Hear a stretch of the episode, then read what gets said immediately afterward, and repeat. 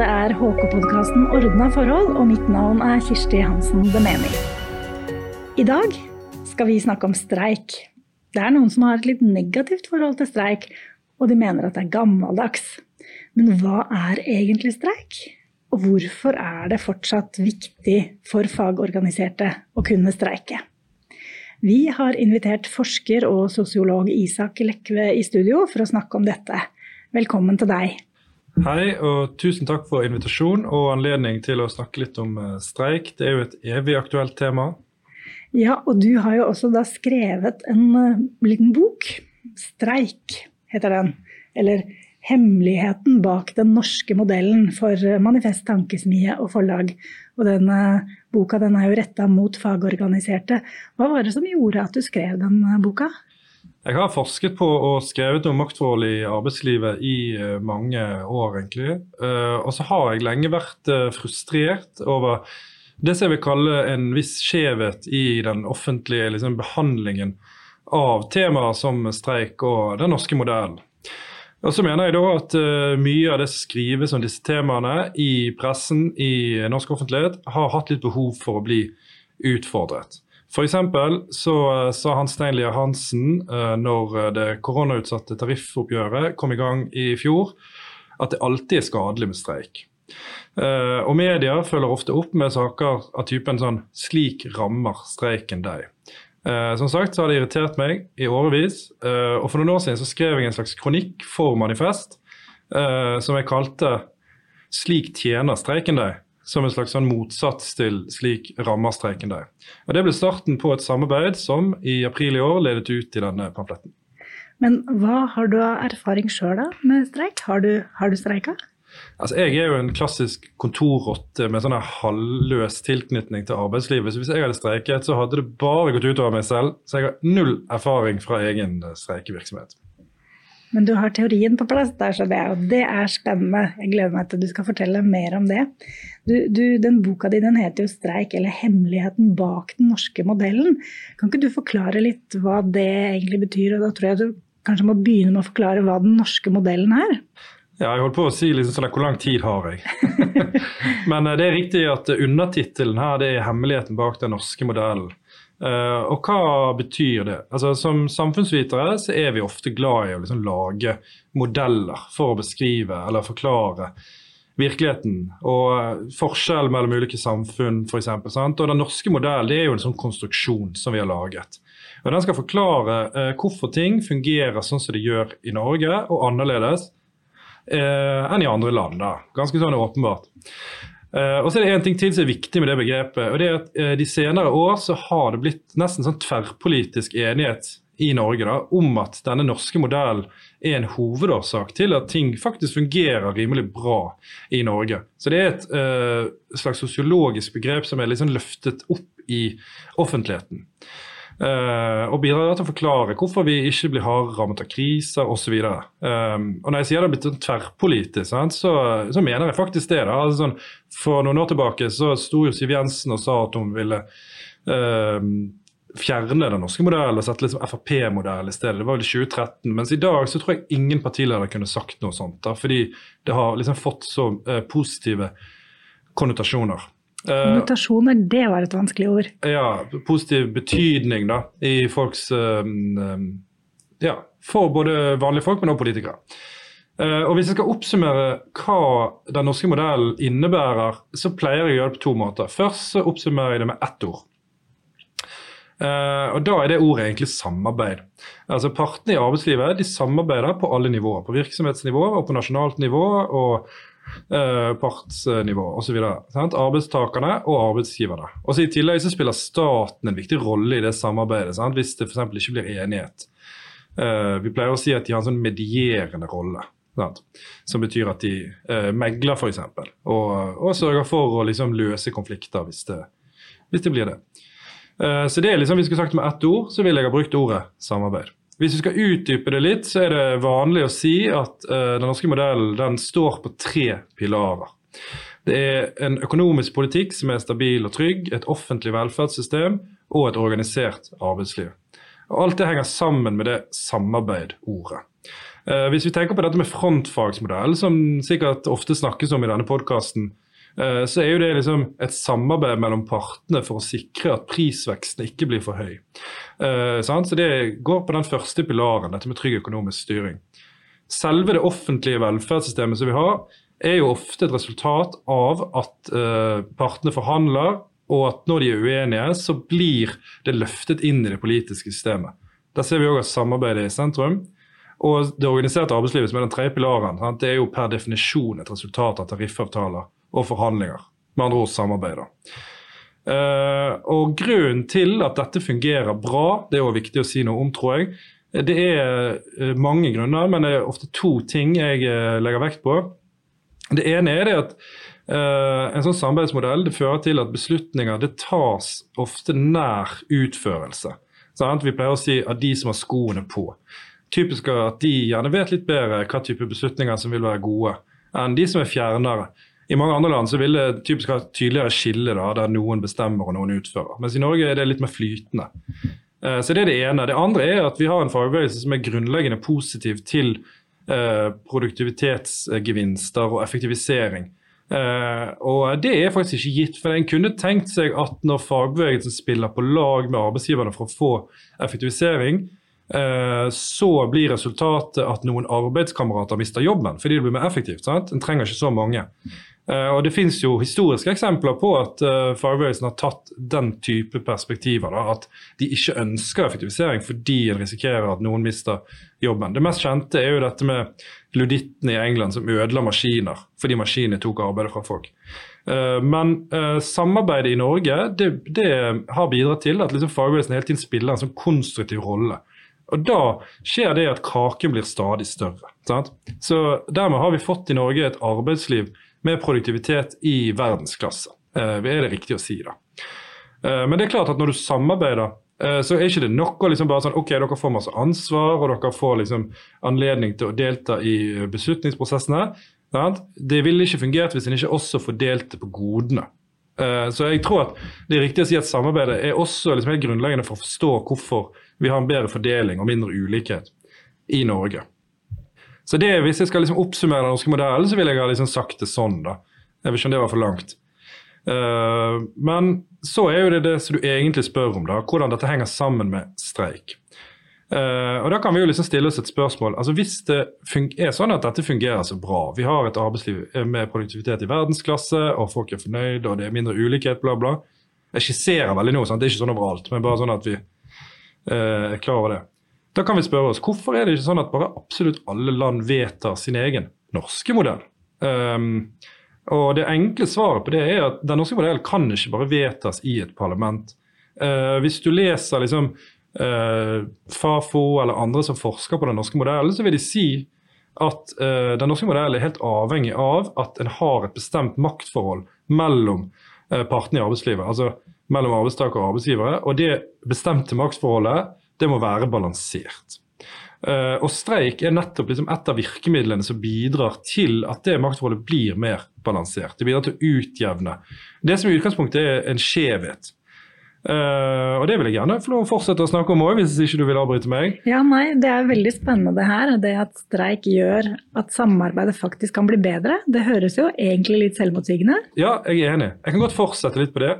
Um, og Hvis vi skal liksom forklare det, så tror jeg vi må liksom si noe om arbeidslivet sånn generelt. Uh, og Dette bør jo være ganske sånn kjent for de fleste som har jobbet. Sant? Alle som har underskrevet en arbeidskontrakt, de forstår det at det innebærer å underordne seg uh, i en eller annen forstand et hierarki. En bytter noe av det som en kan tenke på som uh, fritiden sin, eller liksom den tiden man har til råderett selv til å gjøre hva man vil, i den tiden som arbeidskontrakten løper Eh, så lar du da andre få bruke av den kunnskapen du har, av kreativiteten, av arbeidskraften, og til gjengjeld så får en lønn og andre goder. Eh, så når en inngår i et arbeidsforhold, når en skriver under en arbeidskontrakt, så etableres det i seg selv en ubalanse. Sant? En gir fra seg noe av friheten sin. Eh, det betyr ikke at sjefene bestemmer liksom alt. Åpenbart ikke. Men det betyr at de har liksom siste ordet. Da. Sånn er det, sånn må det være og det etableres der en ubalanse. Eh, men det som folk og kanskje ikke tenker over, det er at den ubalansen eksisterer også allerede før en underskriver noe som helst. Fordi en arbeidsgiver som ikke vil få liksom, den riktige arbeidstakeren, uh, i verste fall så vil jo han risikere å selv bli en arbeidstaker. Altså han, han mister de verdiene han har, eller et eller annet. Sant? Så blir han en arbeidstaker. Men en arbeidstaker som ikke liksom finner jobb uh, sånn i prinsippet, kanskje ikke i Norge, men liksom sånn uh, hvert fall mange steder i verden, da, så risikerer en jo både hus og hjem hvis en ikke har jobb. Sant? Uh, så det, det, er mye mer som står på spill for en arbeidstaker som ikke finner rett arbeidsgiver, enn en arbeidsgiver som ikke finner rett arbeidstaker. De aller fleste arbeidstakere kan skiftes ut, uh, og bare veldig få av oss har liksom en sånn kompetanse som er så unik at ikke vi kan erstattes. Samtidig så lever vi i en verden uh, med et enormt overskudd av mennesker som ønsker jobb. Eh, og Det betyr det at allerede før en har underskrevet en arbeidskontrakt, så er det en ubalanse i arbeidslivet. Altså makten er skjevfordelt. Eh, og Det er arbeidsmarkedet som skaper den skjevfordelingen i makta. Eh, men arbeidsmarkedet gjør også noe annet. Den bidrar til å bestemme lønn. Men nettopp fordi markeder går opp og ned, er lunefulle, uforutsigbare, så har fagbevegelsen alltid gjennom sin historie kjempet mot en ren markedssatt lønn. I stedet har han ønsket andre kriterier, som det vi bruker i stor grad i dag, forhandling. Dette med at makten er skjevfordelt, betyr at det er arbeidsgiverne som i siste instans bestemmer. Um, av de to grunnene jeg sa, av markedsforholdene og av det at en underskriver en arbeidskontrakt. Og Hva skjer da om en ikke blir enige når en forhandler? Uh, vel, en kan jo i siste instans risikere at arbeidsgiver dikterer, sant? fordi de har siste ord. Med mindre en har et eller annet virkemiddel som kan sikre at arbeidsgiver Kanskje ikke dikterer, kanskje gir etter. Eh, og streik er jo det virkemidlet. Sant? Streik rammer arbeidsgiveren på ulike måter og sikrer at uenighet ikke bare er ugunstig for arbeidstakerne, men også for arbeidsgiverne. Eh, og Dermed så kan det brukes som virkemiddel av arbeidstakerne for å legge press på arbeidsgiveren til å finne en enighet. Um, og Resultatet er at det ikke blir liksom, diktering. Da, Sånn At flere får ta del i å bestemme hva som er de riktige forholdene i arbeidslivet. Siden flere får ta del i det, så pleier jeg å si at uh, streik er et demokratiserende virkemiddel. Um, og så er det bare en ting til jeg har lyst til å legge til her, og det er at Selv om streik helt åpenbart er arbeidstakernes virkemiddel, så betyr ikke det at streik alltid er arbeidstakerne sin feil. Uh, streik er et virkemiddel som en bruker ved en uenighet, men for å være uenig så krever det to parter. Og Hvem som er den urimelige parten, det er jo alltid en, et vurderingsspørsmål. da. Uh, den urimelige, den som er skyld i det, som pressen skriver. Uh, og vil variere fra gang til gang. men derfor er det feil at pressen ofte, for ikke å si alltid, legger liksom skyld på arbeidstakerne for streik. Det er riktig, det er arbeidstakernes virkemiddel, men det er ikke nødvendigvis deres skyld.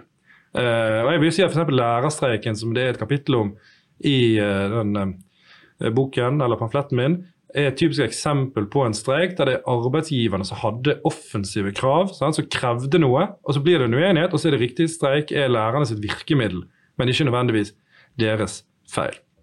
Så for å oppsummere alt det jeg har sagt nå, hvis det er noen som fremdeles henger med, så er det at den norske modellen er noe positivt åpenbart, som har gjort at vi har fått et høyproduktivt arbeidsliv med uh, mer fordeling av makt og andre goder. Uh, men den er avhengig av et utjevnet maktforhold, og streik bidrar til å skape den utjevningen. Uh, og Det er derfor en kan si, akkurat sånn som med min undertittel, at streik faktisk er selve hemmeligheten bak den norske modellen.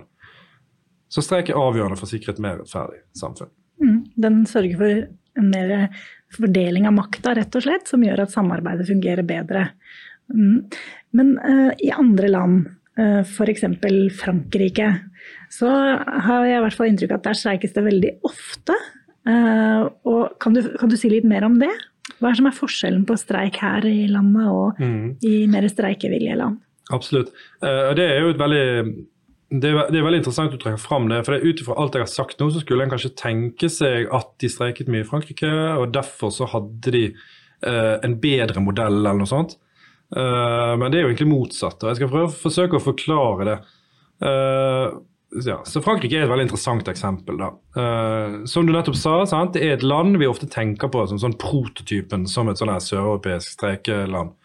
Eh, og um, Jeg vil jo si at En av de hovedforskjellene er jo nettopp den norske modellen, eh, som sikrer samarbeid på mange nivåer. Og gjør at f.eks.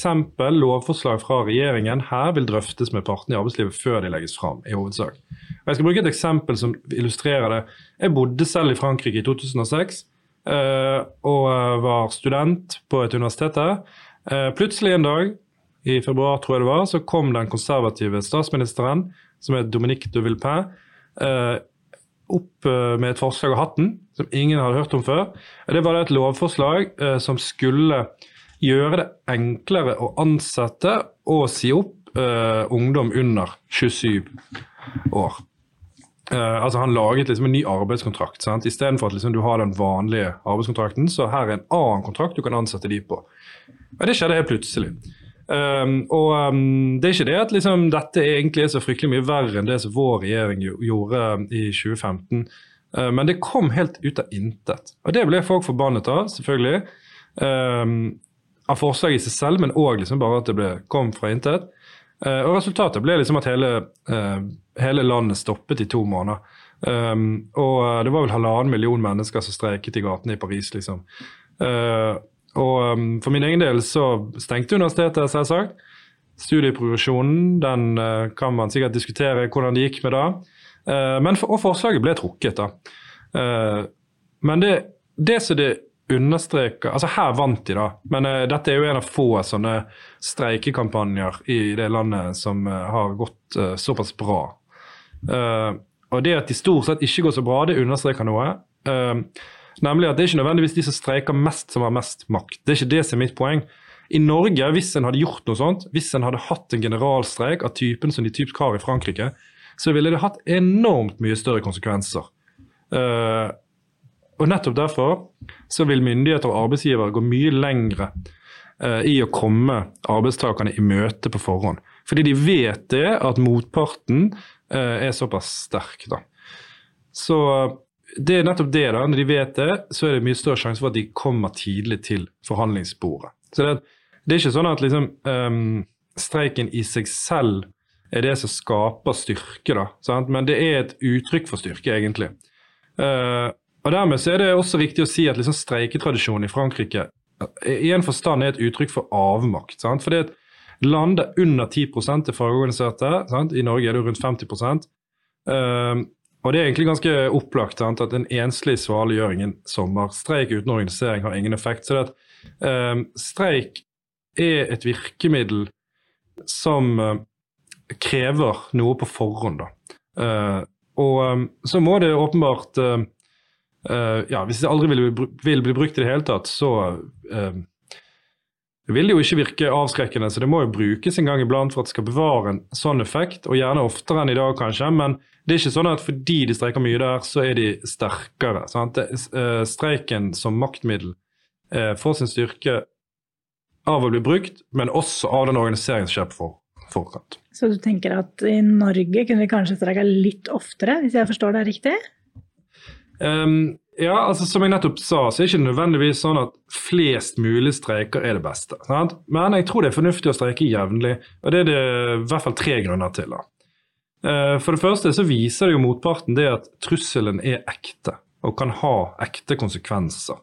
Eh, og Det er åpenbart, det gir mer goodwill i forhandlinger i neste omgang. Sant? Fordi at Hvis streik er kostbart for arbeidsgiverne, og det er et virkemiddel som det er en reell trussel for at skal bli brukt, så eh, er det kanskje billigere å bare komme inn i møte. Sant? Så det er det ene. Det andre er jo at um, å streike er også liksom en skill, da, eller en kapasitet, eller hva du skal si. Sant? Det er noe en kan være god eller dårlig på. Uh, og som alle ting en kan være god eller dårlig på, så kan en bli bedre av å gjøre det. Sant? Av å øve. Og um, da kan en liksom uh, i større grad, når det faktisk er nødvendig, uh, gjøre det effektivt, slik at en får gjennomslag for sine krav. Det tredje, og det tror jeg faktisk er det viktigste, det er at mye forskning viser at idet en konflikt blir satt på spissen, så blir det tydeligere for folk eh, hvem som er på lag, og hvem som er, liksom er motpartene. Da. Streik og konflikt det er noe som i seg selv skaper samhold og solidaritet. Og det er jo dette som er den mentaliteten som hele fagbevegelsen bygger på. Sant? At noen av oss vi er i samme båt, vi har i hovedsak de samme interessene, og så finnes det noen andre eh, arbeidsgiverne som til tross for samarbeid, den norske modellen, et vellykket klassesamarbeid, har motsatt interesser. Um, så uh, min vurdering er at streik er ikke alltid bra, men at vi sikkert kunne streiket litt mer. Det kan hende vi skal si litt om når det blir streik. Altså hva som skal til for at det blir streik. Um, for det er jo ikke sånn at vi bare plutselig våkner om, morgenen og står opp og streiker. Uh, det er jo noen ting som har gått foran for det. Kan du si litt om det? Jeg skal si litt om det. men...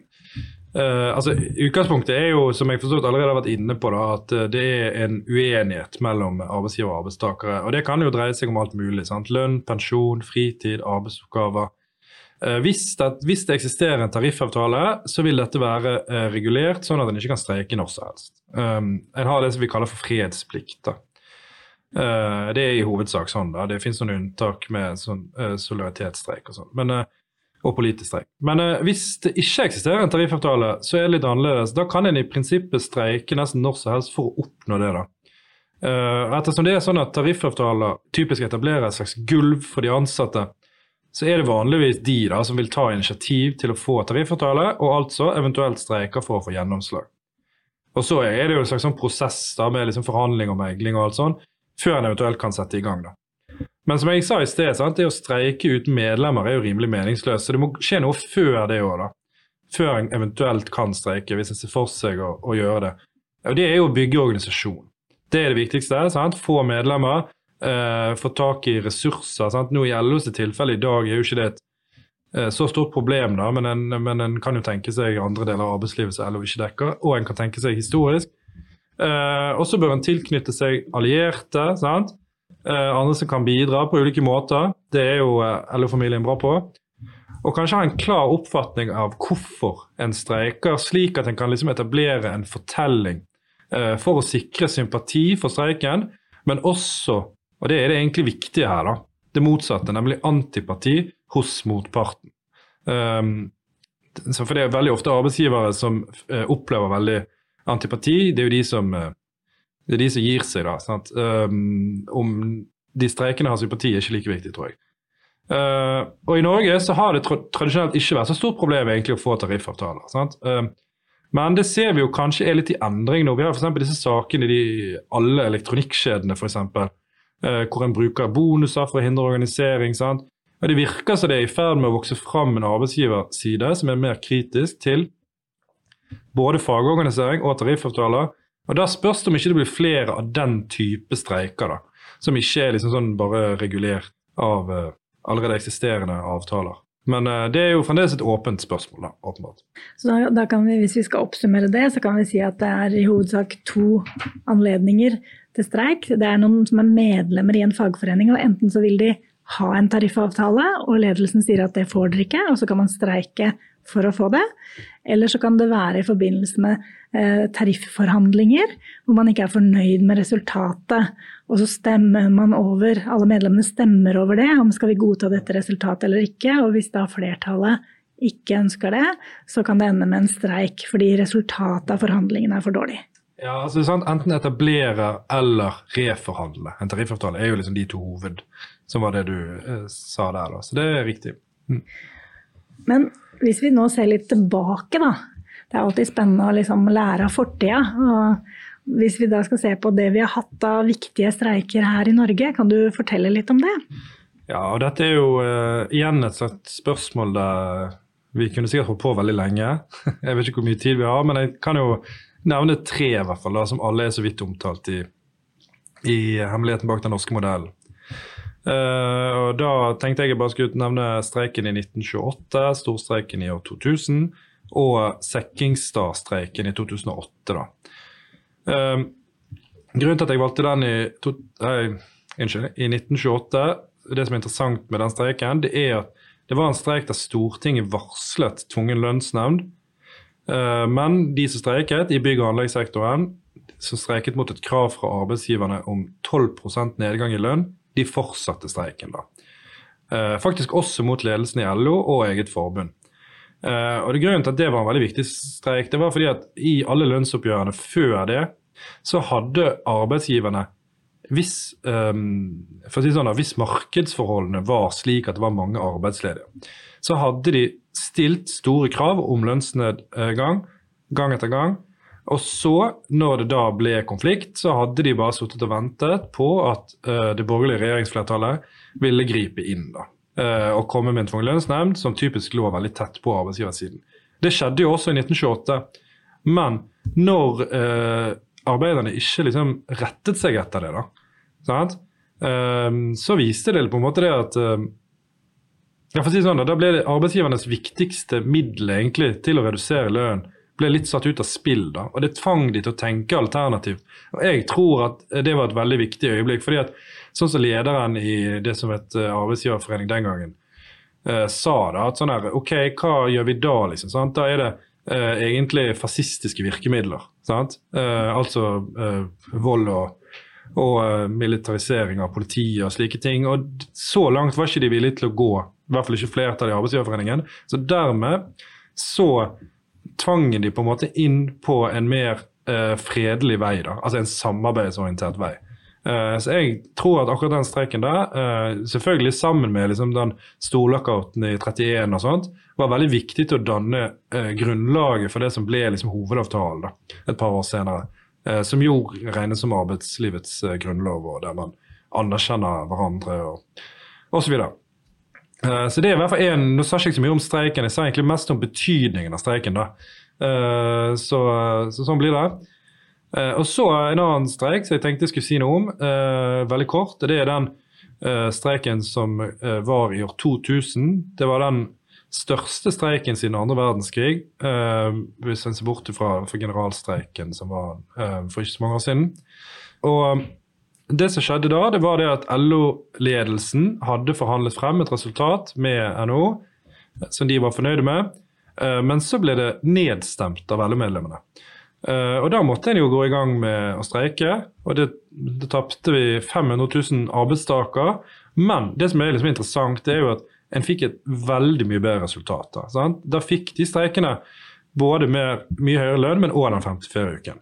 Uh, og Det er liksom en viktig sånn streik, etter mitt syn, fordi det viser det at uh, selv ikke LO-ledelsen er ufeilbarlig. Noen ganger så er det faktisk viktig at vi holder de litt ørene, og kanskje kan de uh, forhandle frem Eller andre forbundsledelser, da. Resultater som, som, hadde blitt mye bedre hvis vi bare hadde brukt styrken som ligger i fagbevegelsen, tross alt. da. Så Det er et relativt moderne eksempel som viser liksom at det kan komme ganske mye bra ut av streik, brukt riktig. Og det tredje, tredje jeg tenkte jeg skulle nevne, det var eh, en konflikt som jeg har skrevet mye om opp gjennom årene. Eh, det var en konflikt i 2017. Vi kaller det liksom for Sekkingstad-saken. Men selve streiken var egentlig et uh, selskap som het Norse Production. Og Det som er liksom viktig med den saken, det er det at der hadde man i årevis drevet og organisert de ansatte, som i hovedsak var polske. Ja, og en hadde, en hadde liksom organisert produksjonen slik at det var ett selskap der liksom verdiene uh, ble akkumulert osv. Og så var det og der liksom så eide all liksom, fabrikken og eiendom og, og, og, verktøyene og alt mulig sånn. Og så var det ett selskap som var det Norse Production, da, som egentlig var et rent bemanningsselskap for det andre. Så hadde de en kontrakt, da. Um, men um, det en gjorde, da, det måtte en jo organisere de i det, dette Norse Production, som på en måte hadde en kontrakt om å jobbe for Sekkingstad. Um, og Da skjedde det flere ting. For det første Under streiken, siden streiken var i ett selskap, så var det på en måte ikke streikebryting når dette andre selskapet plutselig begynte å lede inn folk fra uh, bemanningsselskaper til å ta jobben deres. Uh, så det var jo en strategisk ulempe, åpenbart, i den streiken. Men til tross for det, og til tross for at veldig mange av disse her flydde opp og ned fra Polen og, og uh, kanskje ikke var liksom helt sånn ja, i stor grad avhengig av arbeidsgiverne, da, som kanskje eide det stedet de bodde. Det gjaldt jo for veldig mange, osv. Uh, eh, men til tross for liksom, en sånn strukturell ulempe, så vant de den konflikten. da. Så det var jo uh, et tegn på liksom det at uh, til tross for mange av de utfordringene som vi har i dagens arbeidsliv med bemanningsbransje og, og internasjonalisering og osv., så, videre, så går det an. da. Så det var veldig bra, kan man si. Helt til våren etter så gjorde de det som mange av oss forutså, da, nemlig at de de slo dette Norse Production konkurs. Og siden det var organisert i ulike selskaper, så tapte jo arbeidsgiverne egentlig ingenting på det. Uh, og så startet de et nytt selskap, og så ansatte de alle de uorganiserte. Og Det ble en stor uh, runde i retten etterpå, fordi man skal ikke lov å, å diskriminere på den måten. Og uh, dette nye selskapet de tapte i retten og ble tvunget til å betale en masse greier. Uh, og så ble det selskapet slått konkurs. Sant? Så det de trengte ikke betale ut det heller. Uh, og så ble det et nytt selskap. Uh, og det som liksom ble enden på visen, da, for å si det veldig sånn enkelt, det er det at det arbeiderkollektivet som klarte å vinne der, det ble spredd for alle vinnere, åpenbart. Det er ingen tariffavtale i dag, men produksjonen går som før. Og de som eier det, er liksom blant Norges rikeste. Sånn? Og det er liksom, Grunnen til at jeg tar opp den eh, konflikten, er fordi liksom, eh, er dette et frempek mot fremtidens arbeidsliv. Da, sånn? altså Hvis det er sånn at selv en godt organisert streik med liksom sånn, eh, egentlig alle mulige ressurser i ryggen sant? Dette var jo en høyprofilert eh, streik i norsk offentlighet, og Gabrielsen var flydd inn flere ganger og masse greier. Sånn. hvis det er sånn at LO på en måte ikke evner å vinne, for selv om de vant streiken, så tapte de jo krigen, på en måte. Slike konflikter um, så er det liksom kanskje et tegn på at de grunnleggende maktforholdene i arbeidslivet er endret såpass mye at en bør uh, rope litt varsku inn mot fremtiden. da. Og hva er svaret da? Fordi egentlig så er det jo litt til å miste motet. Det du forteller om, den uh, minner oss om den streiken hvor egentlig det ble gjennomført en god streik, som du sier. Og, og mm. arbeidsgiverne tapte på alle punkter. Men likevel så er resultatet i dag at det ikke er en tariffavtale. Og at de som var organisert, de er spedd for alle vinner. Mm. Hva, hva er svaret på det, da? Ja, altså, um, Det er jo et politisk spørsmål, da. Som um, Jeg har litt tanker om det, men, men jeg syns det er vanskelig å si, da. Men eh, det mest sånn åpenbare en burde og kunne ha gjort, det er jo liksom knyttet til konkurslovgivningen. Sant? At um, um, Og jeg er ikke jurist, så det kan hende at dette er litt sånn uh, vanskelig gjennomførbart. Men jeg har aldri forstått at du kan ha uh, en som på alle mulige måter er arbeidsgiver i praksis, men som likevel kan organisere seg bort fra forpliktelsene med arbeidsgiveransvaret. Jeg mener det burde være mulig å få til eh, en eller annen ordning som var sånn at den reelle arbeidsgiver også er den juridisk ansvarlige arbeidsgiveren. Da. Det er jo det de har klart i dette tilfellet her hele tiden. Sant? At ved å liksom skille Leid inn dyre jurister, selvfølgelig. Og ved å skille eh, selskapene slik, så eh, mister en ikke noe av overskuddet sitt, og, klar, og trenger ikke egentlig å betale ut uh, de uh, lovpålagte erstatningene engang. Så det, der er det noe, tror jeg, en kan gjøre. og Det handler jo om selve kanskje arbeidsgiverbegrepet. Det vet jeg at LO har gitt innspill nå til de nye regjeringsforhandlingene. Uh, og konkurslovgivningen, det tror jeg ikke LO har gjort, men det vet jeg har vært fremmet i Stortinget tidligere av Rødt. så der går det an å gjøre noe. Men så er det jo òg de grunnleggende uh, tendensene som skaper liksom viljen da, og muligheten hos arbeidsgiverne til å faktisk gå så langt. Og Da tror jeg liksom uh, at uh, det handler om de tingene vi snakket om tidligere, med liksom hvordan maktforholdet i arbeidslivet grunnleggende sett er ujevne. Og da Hvis det er et veldig stort overskudd av arbeidstakere som ønsker lønn, så vil de være mer ujevne. da. Så, så der går det an å gjøre noe. og Uh, ikke minst på liksom den innleieproblematikken da, med bemanningsbransjen. I dette tilfellet så klarte de jo å vinne, til tross for at en brukte innleide under streiken, som visstnok jobbet på sånn 60 eh, bare, for de hadde ikke gjort det før. Sant? Så det at arbeidsgiverne tapte likevel noe. Men en kunne tenkt seg at de ikke tapte noe som helst. Da ville de aldri vunnet streiken i utgangspunktet engang. Så det er mange, mange uh, ting en kan gjøre her, men det som jeg tror er grunnleggende, er at en uh, gjør politiske grep som styrker streik som virkemiddel, egentlig, og sikrer at, uh, at en ikke kan liksom bare organisere seg bort fra uh, streik og, og tariffavtale. Mm. Vi nærmer oss slutten her nå, men jeg tenkte at du skulle få oppsummere litt for oss hvorfor streik fortsatt er viktig.